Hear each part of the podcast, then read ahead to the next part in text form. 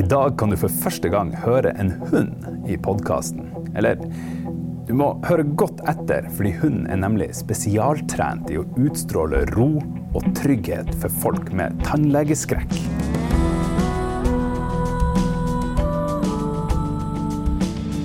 Observatoriet er en forskningspodkast fra UiT Norges arktiske universitet. Med Geir Hevnskjell Ringvold, mannen som lurer på det meste, og Marit Anne Hauan, som bokstavelig talt lever av fortellinger. Og en ny, spennende forsker hver uke.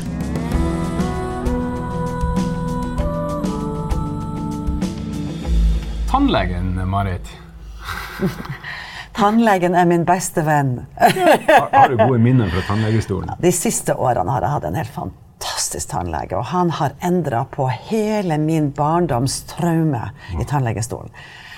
Min barndom hadde vi skoletannleger i Tromsdalen, og jeg kan love deg at det var litt av en opplevelse. Altså. Ja, jeg, hører, jeg har hørt mange skrekkhistorier fra, fra din generasjon. Sjøl har jeg en, en oppvekst i tannlegestolen. Jeg var uheldig da jeg var elleve år og slo ut fire tenner når jeg hoppa på ski. Så jeg har eh, gjort eh, Jeg sona min tid. um, men eh, noe sånn her, noe, noe stor skrekk har jeg egentlig aldri hatt. Men vi eh, har en gjest i dag som eh, forsker på ikke tannlegeskrekk, men hvordan eh, folk som lider av det, kan beroliges av en hund. Tenke seg. Velkommen, Bali. Velkommen, Barley. Velkommen, Anne Margrethe Gussgaard, som er den stolte eieren av hunden Barley. Takk. Du er eh, først og fremst eh, førsteamanuensis ved Institutt for klinisk odontologi eh, her på Universitetet i Tromsø, Norges arktiske universitet, men har en ganske imponerende CV når det kommer til akkurat det feltet med eh, tannhelse for både mennesker og dyr. Eh, vi skal komme litt tilbake til det, men eh, eh, grunnen til at du er, eller kanskje hovedgrunnen, det er selvfølgelig artig med dyr, men du har forska på effekten en terapihund kan gi for barn i eh, tannlegestolen. Eh, fortell litt om bruk av hund i tannklinikken. Ja, du sier at jeg har forsket. Jeg holder på med et Ja. veldig spennende Bra spesifisert. forskningsprosjekt. Um, som går ut på å se om det å bringe inn en spesialtrenet terapihund i tannklinikken kan ha en positiv og beroligende effekt på engstelige pasienter. Eller pasienter som av en eller annen grunn vegrer seg for å gå til tannlegen. Er det pasienter som man normalt ville ha gitt noe eh, lystgass eller eh, noe sånt? Er det så alvorlig, eller er det folk som syns det er litt ubehagelig? Til de som blir tatt med i dette forskningsprosjektet, så er det så alvorlig som du sa, hvor alternativet ofte vil være en form for sedasjon, beroligende medikamenter, lystgass. Kanskje til og med narkose.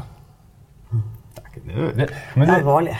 ja, det er alvorlig, men det er jo bra. Jeg tenker alle muligheter vi får til å slippe eh, å forgifte kroppen med, med ting som vi normalt eh, kan unngå. Eh, og, og med bruk av en hund. Det høres jo nesten litt for eh, enkelt ut til å være sant. Ikke sant? Ja. Men da, vi, må, vi må nesten få vite hva slags hund det er.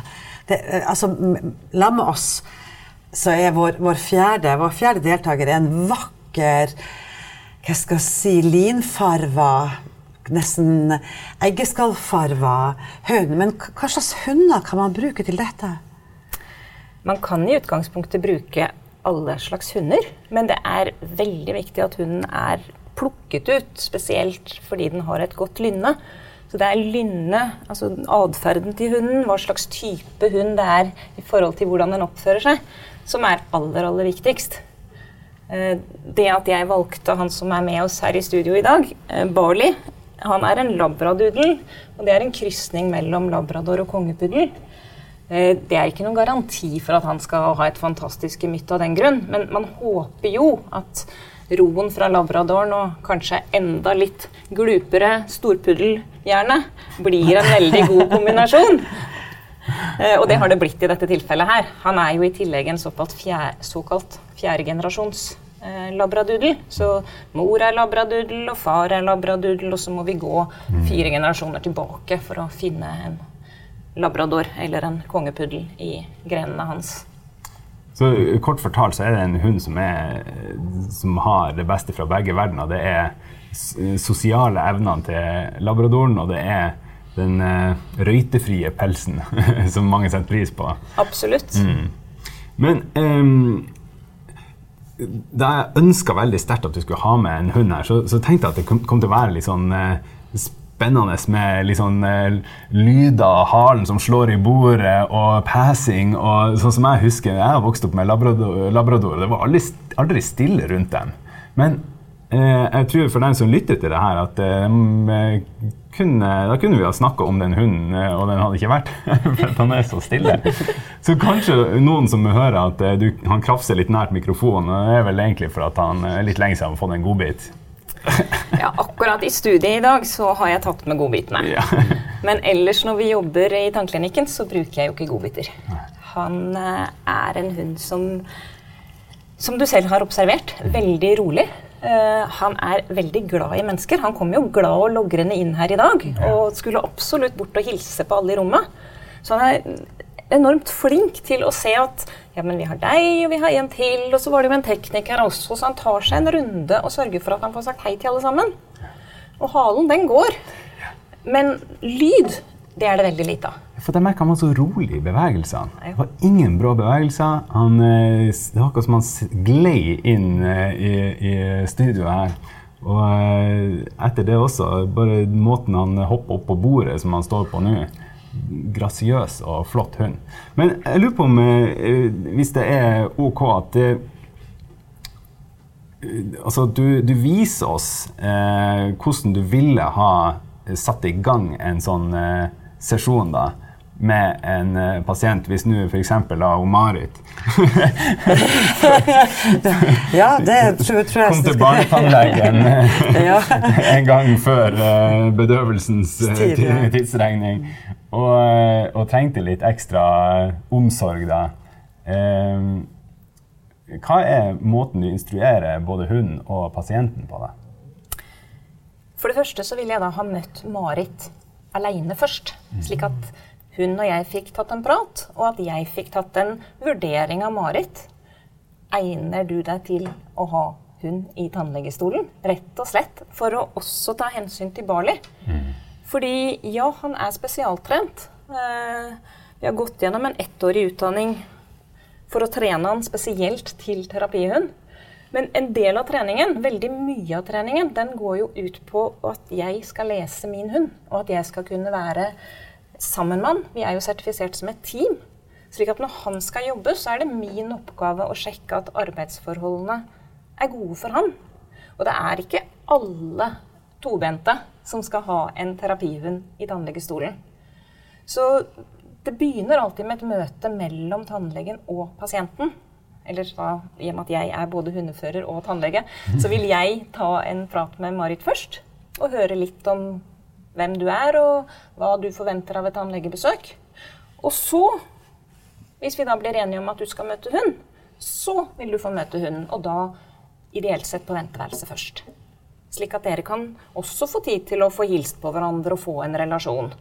Og jeg tror jo nå, hvis du begynner å prate med han Nå sitter han jo og titter på meg, men han vil jo da ta kontakt med deg igjen. Og så vil du kunne sitte og klappe og kose litt på han. Ja, Bali.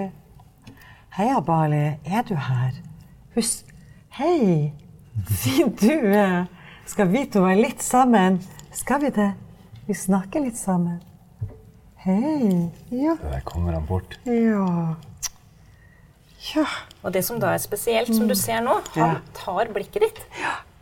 Han titter på deg. Ja, hei. Stirrer rett inn i øynene. Vi kunne jo godt hatt en sånn tannlegetime, jeg og du, tror jeg. Det hadde gått riktig bra. Ja, og så titter han på meg for å få bekreftelse på at er dette greit. Og det er så moro å se. Fordi jo mer jeg jobber med han, jo mer kan jeg la han jobbe aleine. Nå passer jeg litt ekstra på så han ikke skal ramle ned av bordet. Han er på et bord her, for de som ikke ser det. Men du ser at han, han er veldig klar over at nå skal han ha kontakt med deg. Og det gjør han. For han kommer veldig tett på. Han er veldig nært ansiktet. Han har ingen sånn sjenanse for å kikke rett inn. Ikke sant? Kommer helt nært. Ja, men samtidig Ja. ikke noe sånn her invaderende. Nei. Så, um, ja. Så, og, og så da, hvis jeg nå satt i en tannlegestol hadde kommet inn og vi var ferdig med venteværelset og hadde hilst altså, til tannlegestolen, ville han da lagt seg opp på meg? Det kunne han gjort. Ja. Hvis du hadde kommet opp til oss på Institutt for klinisk odontologi, så har vi det så fint at vi har en, et veterinærløftebord. Eh, ordentlig løftebord slik som det er på veterinærklinikkene. Hvis noen av dere har hund, eller lytterne har hatt en hund, så vet man at de bordene de er ofte slik at de kan heves og senkes. Slik at da har vi et bord som står ved siden av tannlegestolen. Med låsbare hjul, så det er helt trygt og sikkert for hunden. Og det kan heves og senkes i akkurat samme høyde som tannlegestolen. Så han kan ligge på det, og det kan være en grei løsning av og til. Men han kan også, sånn som du nevnte, ligge i fanget ditt hvis du ønsker det. Eller at du kanskje bare ville hatt han liggende i kroken på gulvet. Eh, som en dørvokter, som en som ga beskjed til det vi kaller reptilhjernen din, om at her er det bare fred og ro. Du kan slappe av. Reptilhjernen min, utdyp det litt. Du vet, Hvis vi går langt tilbake i tid, så levde vi mye tettere med dyrene. Vi er jo på sett og vis dyr, vi òg. en hund som ligger og sover, gir veldig gode signaler om at her er det ingen fare. Så hvis du tenker deg at du er eh, ute på jakt, eller at du er ute og sover i telt Hvis hunden står og er aktiv og passer på, så er det kanskje et eller annet han værer eller passer på, men legger hunden seg ned for å bare slappe av og sove, så er det ganske trygt. Og det er, et, det er et signal som vi kanskje ikke tenker over, men som underbevisstheten din, kan vi heller si, ville ha fanget opp. Så det kan også være en, en god måte å ha en hund inne i tannklinikken på. At du, sånn som nå, nå står jo du og klapper og koser. At du får gjøre det i forkant. Og så legger han seg på hjørnet, eh, i hjørnet av rommet, og så kan du kanskje klare å sitte i tannlegestolen uten at du har hunden helt nært akkurat mens jeg undersøker eller behandler deg. Aldri sett deg så rolig før, Marit. Så kanskje vi burde invitere han Bali flere ganger hit på en sånn stressende eh, innspillingsdager. Men eh, eh, nå, nå har dere jo nå er midt i den forskninga her. Eh, hva er det så langt som er høydepunktene? Har du noe du kan eh, gi litt sånn sniktitt på av resultater? Det vi ser, det er noe av det samme som vi opplever i studio akkurat nå. At han, han har en helt fantastisk ro, og den smitter over på de som får lov å sitte og klappe og kose på han. Det har man sett fra andre studier, så det vet vi en del om. At når man klapper og koser på en hund, slik som Marit gjør akkurat nå, så går pulsen ned, blodtrykket går ned, vi får mer av disse gode hormonene, sånn som oksytocin, og så produserer vi mindre stresshormoner. Så det er for så vidt ikke noe nytt. Det har man sett i andre sammenhenger mellom hund og menneske. Men det har vi ikke klart å få målt i en tannlegesituasjon. Så vi håper jo at vi i studiet også får noen målbare resultater utover det jeg kan observere. Eh, pasientene er så langt veldig, veldig fornøyd. Eh, I og med at det er barn i studiet, så, i um, forskningen vår, så har vi jo eh, med foresatte. Det er jo alltid én forelder med inn i klinikken. Eh, og rapporteringene tilbake fra både barn og foreldre til nå er jo slik at både mine kolleger og jeg får tårer i øynene av og til. Fordi det er pasienter som tidligere ikke har klart å sitte i tannlegestolen på en rolig og avslappet måte, som nå sitter så avslappet at man skulle tro de var dopet ned. Men det er de definitivt ikke. Fantastisk. Men du, er du, er du tannlegen i disse sammenhengene, eller er du forskeren som ser på tannlegen og barnet og har med deg og, har, og gjør arbeid med ba, Du og Bali gjør arbeid bak? Er dere, er dere foran og bak, eller er du Hvilken side av forskninga er du på? Det er et veldig viktig spørsmål, Marit, så det er jeg glad for at du spør om. Eh, I forskningen så er jeg kun hundefører. Da er det min oppgave å passe på Barley og sørge for at han har det bra, og at han eh, gjør det han skal gjøre, uten at han gjør noe på kommando. Han eh, er trent for å synes det er hyggelig å treffe mennesker. Belønningen hans er at han får lov å klappe og kose. Eh, men han tilpasser seg den pasienten han har i stolen. For noen pasienter de er litt mer reserverte. Andre pasienter ønsker å nærmest bare kaste seg om halsen på hunden og, og uh, ha veldig nærkontakt med en gang. Og det leser han. Jeg blir bare mer og mer imponert over uh, hva hunden klarer å fange opp av signaler fra tobente som vi mennesker ikke er like gode på. Jeg har vært tannlege i 30 år og anser meg som ganske god til å lese kroppsspråk, til å tilpasse min væremåte og min behandling etter hvem jeg behandler. Men han trumfer min eh, kapasitet til fulle. Han plukker opp så mye mer. Eh, så det er jo bare morsommere og morsommere å jobbe med han og se at han så til de grader eh, tilpasser seg den situasjonen han er oppe i. Og det her er ikke noe, eh, det er ikke noe tilfeldighet heller at eh, det var akkurat han Barley som endte opp i, i tospann med deg. Det skjønte jeg var en ganske sånn møysommelig utvelgelse. Og det noen ord om det, hvordan han endte opp hos deg? Ja, det var en, en ganske så omfattende leting etter den ideelle hund som kanskje skulle bli terapihund. Så jeg endte opp nede i Sør-Sverige, i Skåne. Og er, noen vil jo si det er galskap å fly fra Tromsø ned til uh, Oslo for å så toge i syv timer og skulle se på hund i første omgang og senere hente hund. Uh, men han kommer fra et rehabiliteringssenter der de holder på med hest og hestestøttet terapi. Eh, nå også hundeassistert terapi. Eh, de er ganske så nøye på hvem de selger hunder til. Og i og med at jeg var så nøye på hvor jeg skulle skaffe hund, så ble det en veldig god match. Så eh, jeg syns jeg var veldig heldig med å finne et riktig sted, hvor jeg visste at her hadde han en veldig god start. At de første åtte ukene eh, hjemme hos sin biologiske mor og oppdrettere, det var så godt som det kunne få blitt. Men så begynte jo min jobb etterpå. da, Med å skulle trene han og belønne han for å være rolig. Og se om det lot seg gjøre å trene han opp til en terapihund. Og da igjen med en som skulle jobbe spesifikt inn i en tannklinikk. Men du, i den tannklinikken, ikke sant, du sa du trente han opp, og sånn, så sa du at han kunne ligge i et hjørne, eller han kunne være ved siden av pasienten, eller til og med på pasienten.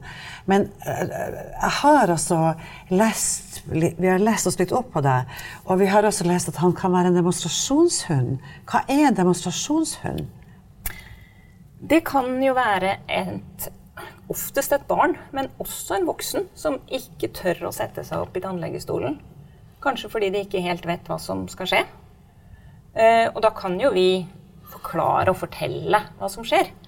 Men han kan jo da hoppe opp og vise. Så det har vi trent mye på. Han gaper opp på han. Han gaper på kommando. Kjent, eh, sånn TV-triks der sånn show don't Nei, don't uh, nei, show, show, don't, don't tell. tell. ja. takk. Se hvor, hvor, hvor god jeg er på det. Men uh, rett og slett, altså En ting som bare hvordan man finner plass på, i stolen, gaper opp og uh, Det er ikke sånn at han må ha instrumenter og sånt inni munnen sin også. Han kan det. Så det kan jo være at han hopper opp i stolen. Og så kan vi kjøre stolen opp og ned. Små barn syns jo av og til det er litt morsomt at disse tannlegestolene kan heises opp og de kan heises ned. Og hvis dere husker når dere er hos tannlegen, så pleier vi også å legge ryggen bakover, slik at dere mer eller mindre ligger. Uh, og det er han også vant til. Så hvis jeg er litt treig på å legge ryggen bakover, så kommer han gjerne med labben og ber om at hallo, nå, du, nå, skal, det, nå skal det gå bakover her. Og så legger han seg ned med hodet på hodestøtten. Uh, og da kan jeg stoppe der og si at ja, men sånn går det an å bare sitte og slappe av i tannlegestolen. Eller jeg kan ta frem denne her som vi blåser luft med. vet du, Vi tannleger blåser jo gjerne litt på tennene. Ja. Og når jeg tar frem den og sier gap opp, så gaper han. Så da kan vi vise at så greit er det. Eller jeg kan ta frem eh, speil og det vi tannleger kaller en sonde, den vi pirker med. Mm og undersøke tennene hans og vise at det går også helt greit. Altså Det som jo kanskje er aller verst hos tannleger, det er blitt bedre og bedre, men som jeg husker veldig godt fra min barndom, det er jo lyden. Den borrelyden som før hørtes ut som du hadde et helikopter over hodet, men nå er det jo blitt snillere og snillere. Tåler han også denne lyden? Mm. Og det er jo også noe vi har trent veldig mye på. Slik at det året han holdt på med en terapiutdanning sammen med meg Vi er jo utdannet som et team. Eh, så brukte vi veldig mange timer inne i tannklinikken bare på å trene på uten pasient. Hoppe hopp opp i stolen. Stolen går opp og ned, den lager også lyder. Ta frem et vanlig bor, ta frem et annet bor. Vi har jo det vi kaller ofte støvsugeren til barn. Den som slurper opp alt spyttet eller vannet. Eh, så det er veldig mye lyder. Eh, jo mer man tenker over det, da vi virkelig begynte å se på dette, så er det et ganske stort repertoar som han selvfølgelig da skal være vant til å ikke reagere negativt på, og i grunnen ikke reagere på i det hele tatt. Så det var time etter time med hva noen vil si tørrtrening, før jeg etter hvert da fikk inn kolleger, venner, noen tannlegestudenter, noen tannpleierstudenter som lekte pasient, og som satt i stolen. Og så har vi jo, etter at han ble godkjent etter et år, også begynt med ekte pasienter. Det er fantastisk hva vi har gjort eh, hundene til. altså Fra å være eh, glupske ulver til å, å, sitte og gape i en tannlegestol. Det er ganske fascinerende. Eller stemmer det at vi har gjort hundene til det? Kan det hende at dette har vært en av deres kvaliteter som vi overså tidligere, men som vi som vi er begynt å bli mer følsomme på. At dyret er mye mer enn sånn som setterne, rypefinnere eller mm. noen sauehunder eller altså eh, Hva tenker du om, om relasjonen menneske og dyr? Jeg tenker at eh, det er vi blitt mye mer oppmerksom på i den senere tid det er også kommet mye mer vitenskapelig forskning som titter på akkurat dette med relasjon eh, menneske-dyr, relasjon hund-menneske. Eh, dette med at hunden som oftest speiler eier. Eh, det sies jo, hvis man begynner å titte rundt, at hund og eier ofte ligner på hverandre. Men hvis man ser mer på ikke bare det ytre utseendet, men væremåten, så er det ikke bare noe vi ser og tror, men det viser seg faktisk å stemme også ut ifra nyere vitenskapelige publikasjoner. De plukker opp signaler, spesielt fra eier. Så det er jo også min oppgave å være så rolig jeg kan når jeg går inn i en treningssituasjon eller en reell eh, tannbehandlingssituasjon sammen med han. Slik at ikke jeg eh, viser at her er jeg nervøs eller at jeg gruer meg, men at han kan få påfyll av min ro, som gjør at han igjen blir enda roligere, og at det kan virke på pasientene. Får jeg lov til å følge opp? Yeah. Altså, du sa at hund speiler eier, men speiler eier hund?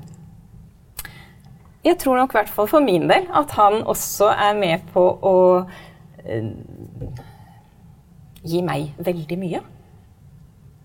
Uh, at han også virker beroligende på meg fordi vi er så tette. Eh, den terapiunutdanningen jeg har gått på i regi av Hundens hus, eh, er veldig opptatt av eh, at dette er først og fremst relasjon. De har et motto 'relasjon før prestasjon'. Enhver som har jobbet mye med hund, vet at når vi trener hund, så fins det forskjellige treningsmetoder man kan bruke for å lære hunden til hva jeg vil kalle alminnelig hverdagslydighet. Og det er viktig. Det må ligge i bunn. Men når han går på jobb sammen med meg som terapihund, så skal det først og fremst være pga. den relasjonen vi har. Det dreier seg ikke om at han skal gjøre det ene eller det andre på kommando. Ja, han hopper opp i tannlegestolen på kommandoen 'hopp opp i stolen'. Og ja, han gaper opp når jeg sier 'gap opp', for det er, det er han trent til. Men det å tilpasse seg og berolige pasientene, det er ikke en fast oppskrift det er noe han gjør fordi han så til de grader intuitivt eh, merker han, hvordan han kan jobbe med enten deg, Marit, eller en annen som syns at dette er litt utrygt. Eh, litt annerledes enn det de er vant til. Og det hadde ikke han fått til hvis ikke vi hadde hatt en så god relasjon i bunn. Og det er virkelig imponerende. Eh, deres bakgrunn. Dere er da altså Norges kanskje, i hvert fall på, på, papiret, best trente eh, ekvipasje når det kommer til eh, terapihund for tannlege, i hvert fall. Eller kanskje for eh, terapihund generelt. Eh, jeg skal ikke påta meg mer enn en, ganske bra. Selv om det hørtes ut som et spørsmål. Hva jeg kan stå for. Men så vidt jeg vet, så er det ingen andre terapihunder som jobber i tannklinikk, og som har en like omfattende utdanning som det han og jeg har til sammen. Og eh, ikke nok med det, men du er også da eneste i Norden som forsker på det her. Det er riktig. Så vidt jeg vet. Igjen. Eh, det har vært gjort veldig lite forskning på hund i tannklinikk generelt. Det er knapt nok noe dokumentert. Og det er jo også noe av grunnen til at vi må få denne forskningen gjennomført, og vi må få det publisert. For det er jo slik i vitenskapsverdenen at det holder ikke at vi bare ser og synes og kan komme med rørende historier det er ikke godt nok forskningsmessig. Så, så, eh, så, blir det jo spennende da, å se om dette lar seg dokumentere. Derfor mm. har vi jo denne relativt lille piloten nå i første omgang. Men som jeg eh, har snakket litt om, eh, så langt så ser vi en veldig god tendens. Det er jo rasende morsomt. Eh, det er jo også noen eh, mennesker som går rundt og ikke kommer til tannlegen i det hele tatt. Eh, Universitetet i Tromsø lagde en videosnutt for, i 2016. Noen pasienter har faktisk sett på den videosnutten om terapihunden Barley. Da holdt vi jo bare på med trening. Og så tatt kontakt fordi de ikke har vært hos tannlege på 10 år, 15 år, 20 år og spurt om de kan få lov å komme. Eh, fordi de har sett på videoen, de har sett han, og så har de sett meg. Og så har de tenkt at kanskje de nå kan tørre å hvert fall komme inn døren. Det er fantastisk. For det er en av de altså virkelig sånn, I vår tid hvor vi skal være så unge og vakre hele livet, så er en av de virkelig store skamfulle sidene er jo hvis man har dårlige tenner. ikke sant? At, det er liksom en av de tingene som, som man ser på som, som, veldig negativt. Og du ser jo folk gå liksom med leppen rundt tennene for å skjule eventuelle feil og mangler og, og dårlig, dårlig stelte tenner. Så det å åpne opp for, for muligheten til å, til å gå til tannlegen på en sånn måte, det er jo helt fantastisk. Men Anne, det her er ikke første gangen du jobber med dyr. Du har også vært du har også en fort, annen type fortid som, med, som tannlege og, og hunder du, og dyr. Kan du, kan du, fortelle oss litt om din bakgrunn? Jeg er tannlege og har vært det i over 30 år. Men jeg har jobbet som tannlege også for hund og katt i ca. 10 år. Uh, og det kommer en liten latter her, og ofte så gjør det det når jeg sier at jeg har vært tannlege for hund og katt. av en, en, hund eller en katt som har tannlegeskrekk, og som må ha en, en, sånn her, en liten mus eller noe sånt ved siden av. Det var, det var bare hodet mitt som uh, eh, jobba litt i høygir der. Men jo, fortsett. Uh, da jeg var ferdig tannlege, så satte jeg i gang som tannlege for hund og katt på Groruddalen dyreklinikk i Oslo og holdt på med det samtidig som jeg eh, halvparten av tiden var tannlege for tobente mennesker. Eh, det å jobbe som tannlege for hund og katt det var ikke så vanlig på den tiden. Så der eh, var jeg en pioner. Eh, fikk eh, lov å utvikle det sammen med Torbjørn Ovren, som da var sjef på dyreklinikken. Det å jobbe med veterinærer og dyr var jo kjempespennende. Men det var jo også spennende fordi at jeg så at den munnhelsen til eh, hundene den påvirket jo ikke bare den fysiske helsen til hundene, den påvirket også atferden til hundene. Så eh, vi så at det å eh, ta hånd om sykdom i munnhulen, det hadde betydning for totalhelsen. Og da tenker vi både fysisk og psykisk. Nå vet vi at det er sånn, og vi vet at det er også slik for mennesker. Så det å ha hatt såpass lang tid på en dyreklinikk, og eh, så har vært litt innom eh, både privat og offentlig tannlegevirksomhet. Jeg har vært syv år i Canada og jobbet med kreftpasienter som har kreft i hode-hals-området. Og jeg er kommet tilbake til Norge i 2012. Og det å nå få lov å være tannlege, spesialist i tannløsningssykdommer, eh, og i tillegg ha en stilling på universitetet her hvor jeg kan få lov å forske, og så får jeg lov å undervise i tillegg, det er jo en drømmeverden. Jeg får tatt med alt det beste fra det jeg har lært meg frem til nå. Og så får jeg sett at for noen pasienter som ikke tør å komme til tannlegen, eller som opplever at det å komme til hos tannleger er forferdelig skummelt, kanskje så mye at de ikke engang kommer, kanskje kan denne firbente, lodne karen som nå har lagt seg ned til å, å sovne på bordet ved siden av her, kanskje kan han bidra til at de får den hjelpen de trenger. Men uansett, jeg syns det er utrolig spennende. Jeg gleder meg til å se hvordan uh, utkommet av dette studiet blir. Uh, jeg uansett sikker på at han Barley og du skaper gode minner fra tannlegestolen for mange som kanskje hadde Eh, grøssa eh, resten av livet og, og litt, faller litt inn i den kategorien du sier, at de ikke oppsøker tannlegen på 10-20-30 eh, år. Jeg ønsker dere lykke til, og tusen takk for besøket. Ja, takk skal du ha, Anne. Og takk, Barli. Takk, Barli. Flippisk. takk for at vi fikk komme.